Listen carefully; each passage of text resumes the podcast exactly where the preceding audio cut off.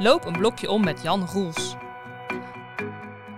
Ik voel die gezonde spanning van een wedstrijd live op een EK, WK voetbal. Maar door adem te halen kan je je geest tot rust brengen.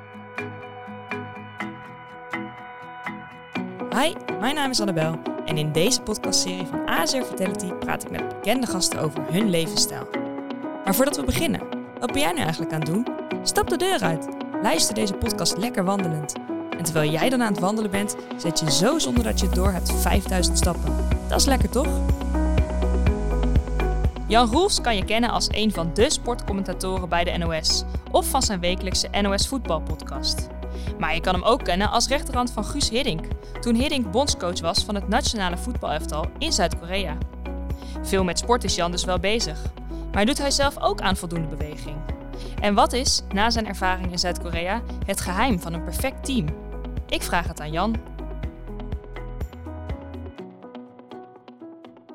Hi Jan. Ja, goedemorgen. Welkom. Dankjewel.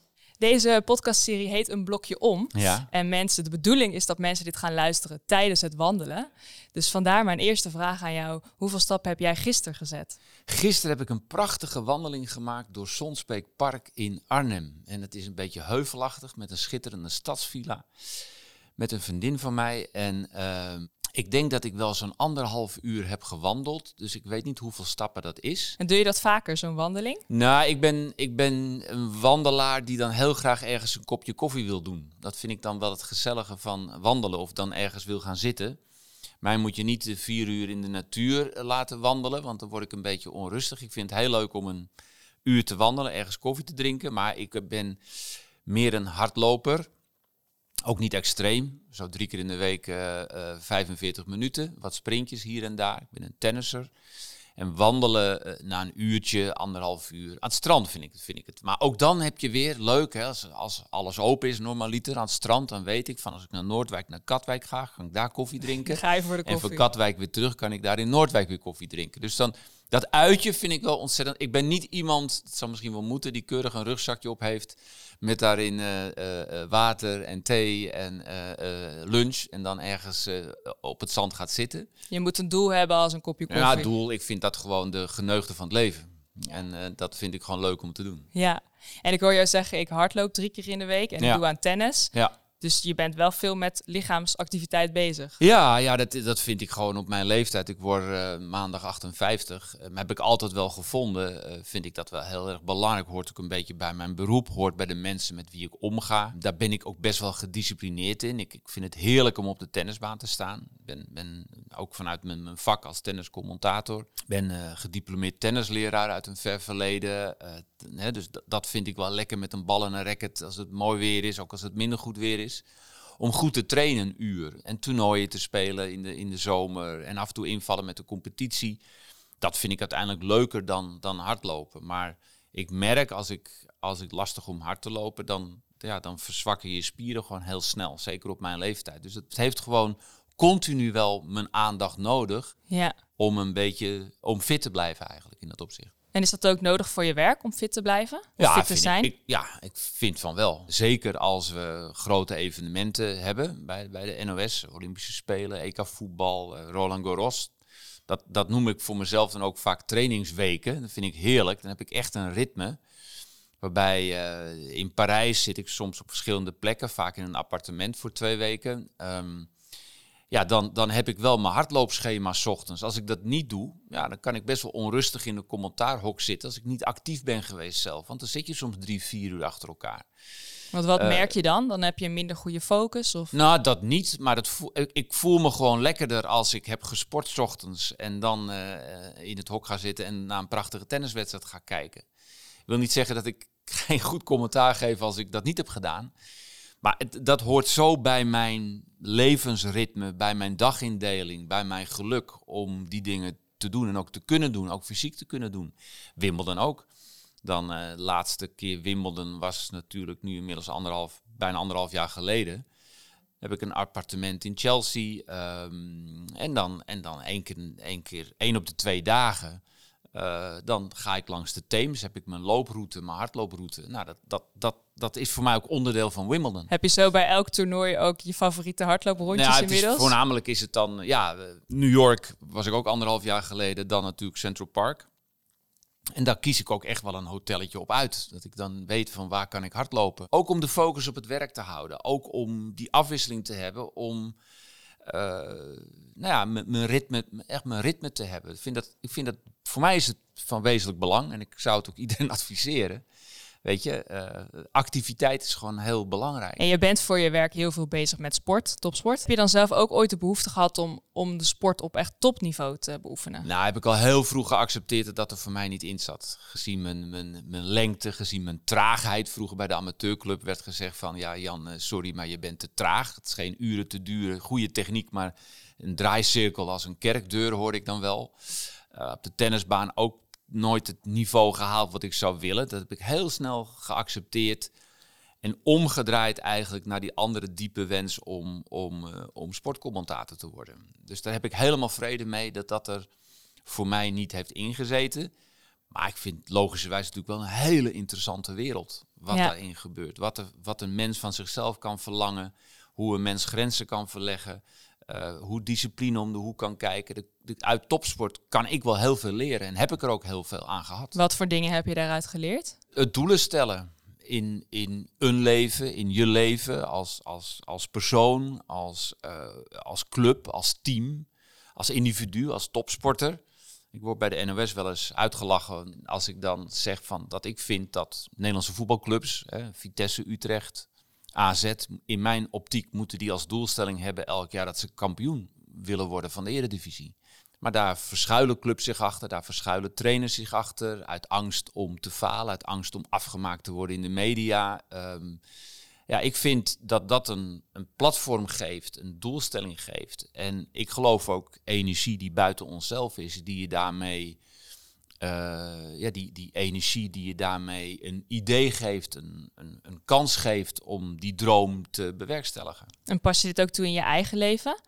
Ja, ik heb, ik heb wel mijn, mijn, mijn dromen en mijn doelen. En uh, weet je, ik, ik hou van inspireren, ik hou van motiveren, ik hou van mensen toespreken daarin. En, en mensen ook dat, dat, bij dat beeld te helpen van, van wat is nou je, je, je ultieme doel? Wat is je overtuigende toekomst? Die heb ik dan weer van Tony Robbins bijvoorbeeld, uh, seminars van hem gevolgd in Amerika. Als je dat hebt voor jezelf, als je dat hebt in, in de relatie die je hebt, als je dat hebt met het team met wie je werkt, als je dat hebt als bedrijf. Wat is nu onze overtuigende toekomst?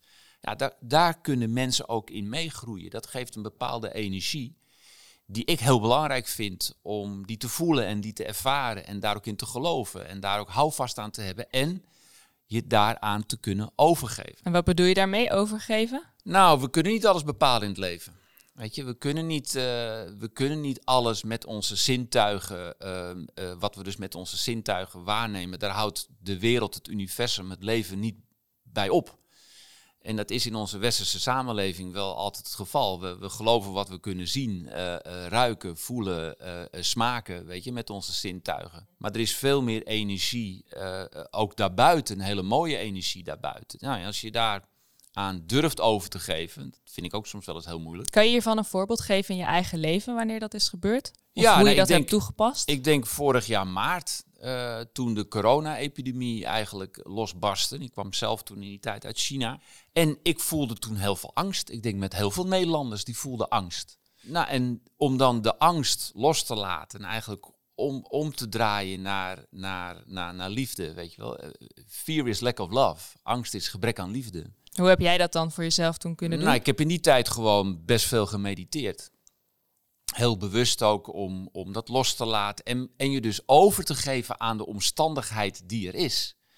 Want het virus is in feite ook die energie buiten onszelf, die we niet kunnen zien, niet kunnen aanraken, niet kunnen proeven. Niet, hè, dat kunnen we ook niet met onze zintuigen Het is er, maar het is er niet. Ja, dus, dus is het eigenlijk ook kwestie van overgave daaraan. En ehm, ja, dat het, dat, en dat is gaandeweg beter gegaan. Ik heb er ook veel met mijn dochter over gehad. Die heeft de oudste dochter, die heeft er ook veel last van gehad.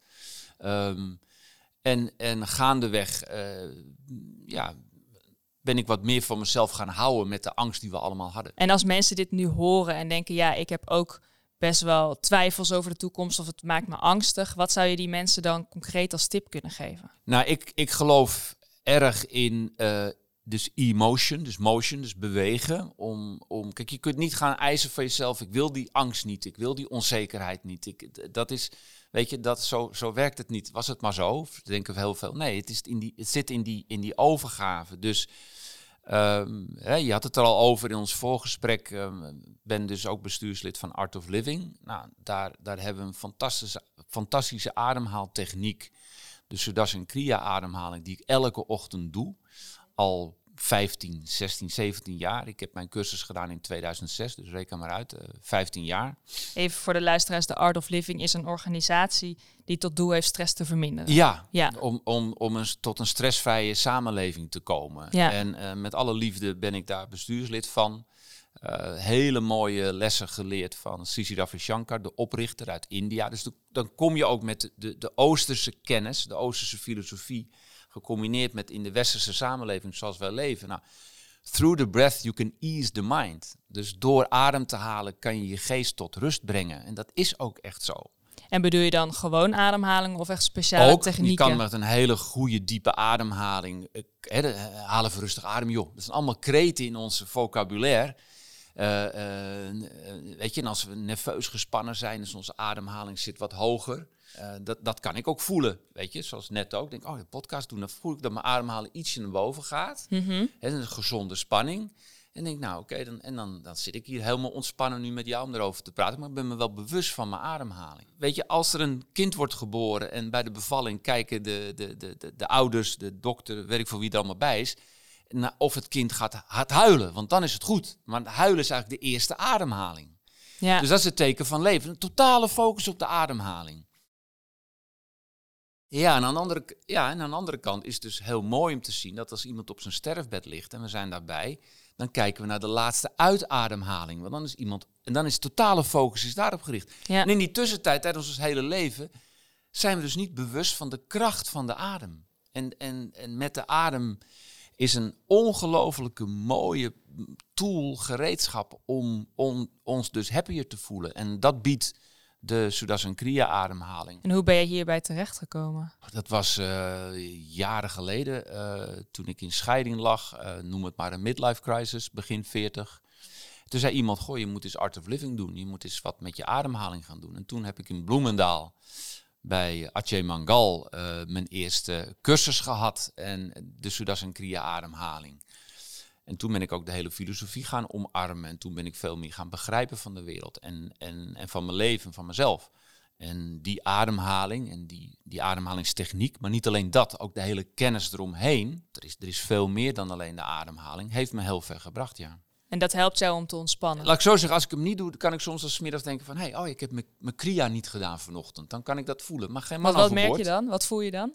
Ja, misschien ietsje minder focus, iets, iets vermoeider of ja, bepaald gevoel. Maar let op, hè, het is ook geen wondermiddel. Hè. Ik bedoel, ik heb ook ondanks dat ik de kriya doe, ook mijn slechte dagen. Of ook momenten, dingen die me dwars zitten, dat ik me niet uit. Of weet je, ik blijf gelukkig een, een, een mens met mijn emoties en mijn, en mijn kwetsbaarheden en mijn boosheid. En, maar ook heel gelukkig, heel veel, heel veel geluk. En, en dat, dat heeft wel de overhand in mijn leven, gelukkig.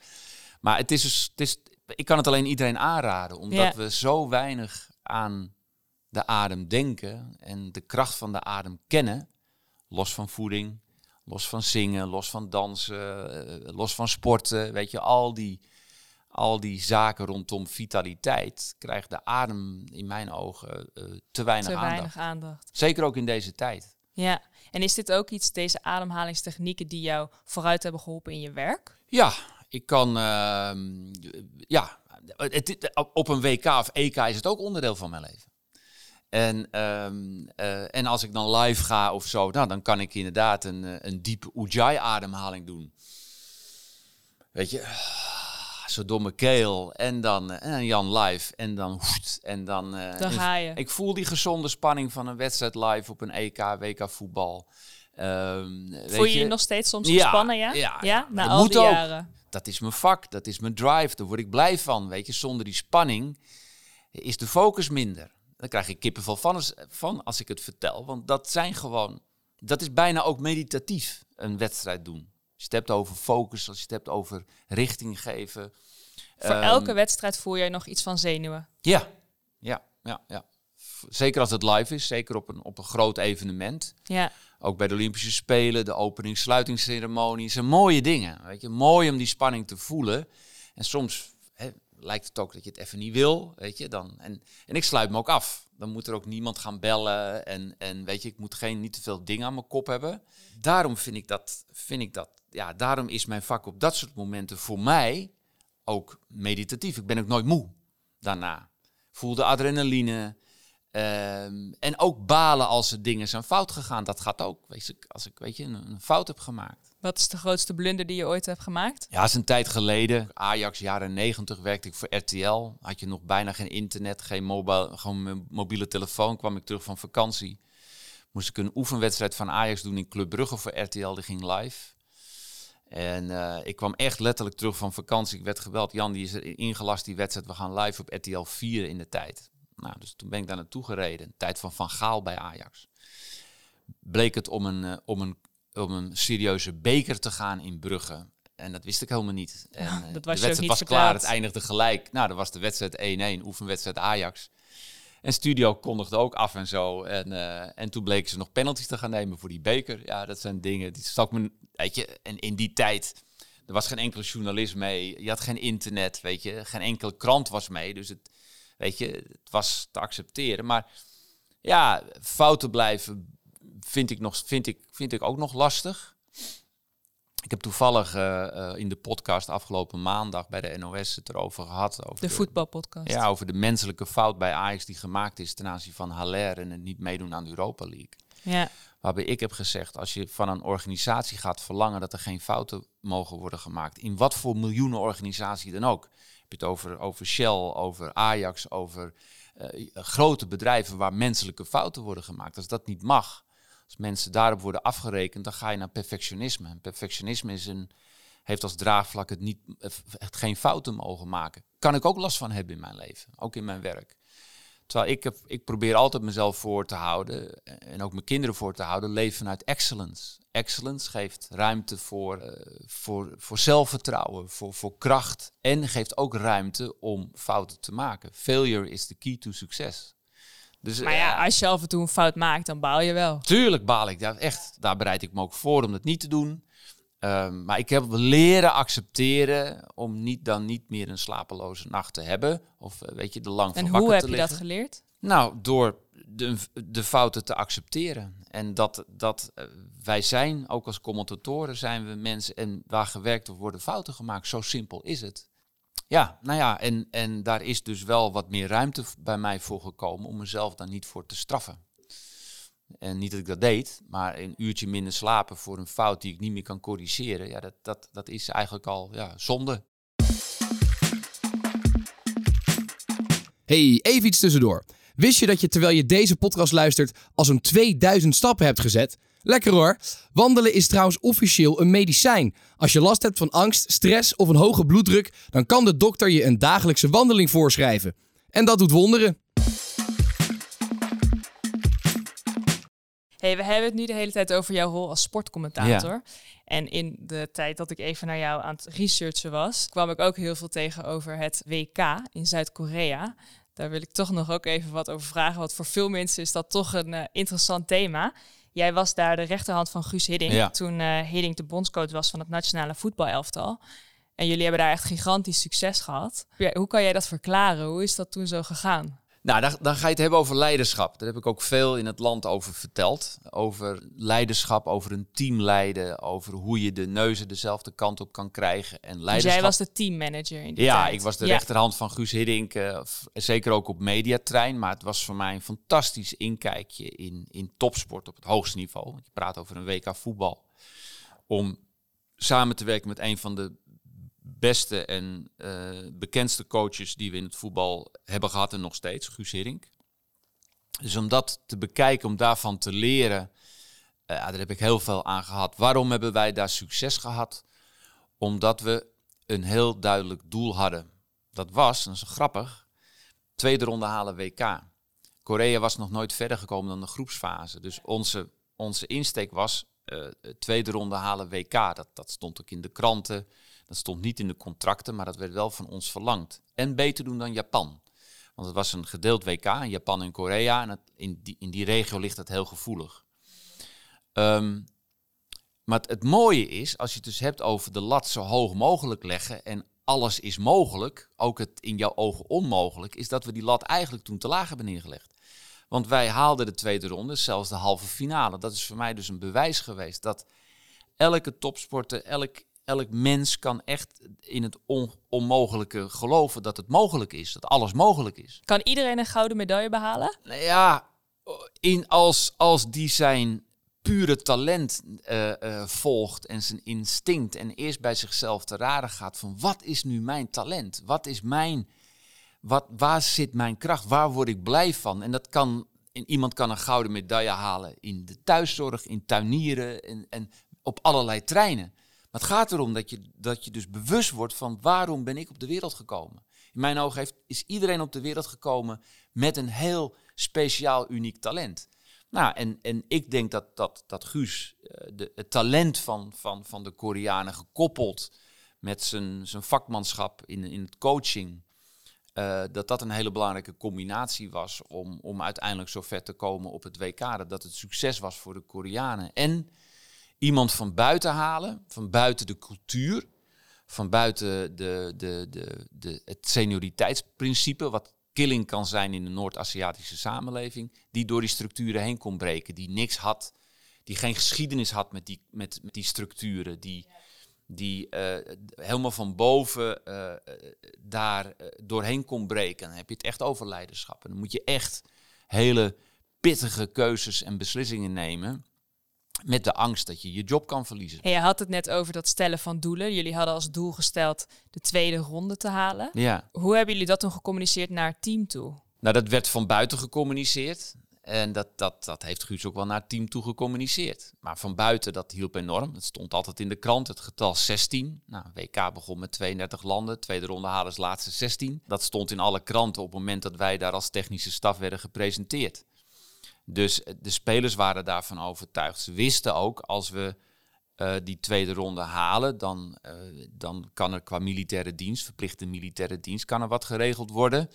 Uh, dat ligt in die samenleving heel gevoelig, vanwege nog altijd formele oorlog tussen Noord- en Zuid-Korea. Er waren fantastische drijfveren om, om, om dat te doen. Maar weet je, ook weer, de spelers mochten fouten maken. Snap je? En dat is in de Noord-Aziatische cultuur ook heel lastig. Als je het hebt over perfectionisme, dat, dat fouten maken, dan word je gestraft. Dus uh, in de tijd voor ons werden er nog stokslagen gegeven aan, als er fouten werden gemaakt. Binnen, dat, is, dat is echt gebeurd. Guus heeft daar natuurlijk radicaal van afgeweken.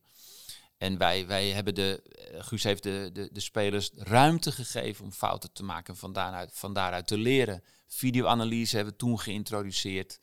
Uh, ook moderne technieken ge geïntroduceerd. Dus het is een heel complex geheel waarbij Guus wel precies wist wat hij wilde. Ja. En, en wij als team ook precies wist wat we wilden bereiken. En zou zo'n aanpak van het heel helder stellen van doelen ook kunnen werken bij een team hier in Nederland, een voetbalteam? of zeg je dan, dan heb je ook andere facetten of andere factoren die meespelen? Ja, um, uh, tuurlijk. Alleen, um, het is niet zo dat als je een doel stelt, dat je dat dan ook per se haalt. Hè, het is heel belangrijk om te zeggen van nou, dat, dat wil ik gewoon heel graag. Daar ga ik voor. En daar in een, in een affirmative, zeg dat, in een, in een bevestigende manier over te praten. Van, uh, uh, en, en dan komt die energie vrij. Dan gaan spelers dat voelen. Dan gaan supporters dat voelen. Dan gaan, gaat de club dat voelen. En haal je het niet, zo wat. Weet je, dan maar heb je in ieder geval die doelstelling gehaald. Dat geeft een bepaalde energie. Maar is de klap dan niet des te groter als je zo'n helder doel voor ogen hebt en het dan niet haalt? Ja, maar, maar als je gaat kijken naar de energie, als dus goed met een ploeg als Vitesse afgelopen periode. Ik heb geroepen, Vitesse moet voor het kampioenschap gaan. Oké, ze pakken één punt uit de laatste drie competitiewedstrijden, uh, zakken weg. Um, maar het, als je als, als club zegt, als je als bedrijf zegt, jongens, wij willen dat en dat bereiken. Ja, dan wil ik als werknemer, als speler daar ook bij horen. Ik wil bij een challenging en een uitdagende, uh, ik wil in een uitdagende omgeving zitten. Dan, dan ga ik net het stapje extra zetten. Ja, ik geloof daar echt in. In, in dat. Ik ben bij een promotiewedstrijd geweest in de Chinese competitie in de, in, de, in de tweede divisie. Dat is ook al heel hoog niveau. Een hele goede vriend van mij was daar coach, is daar coach.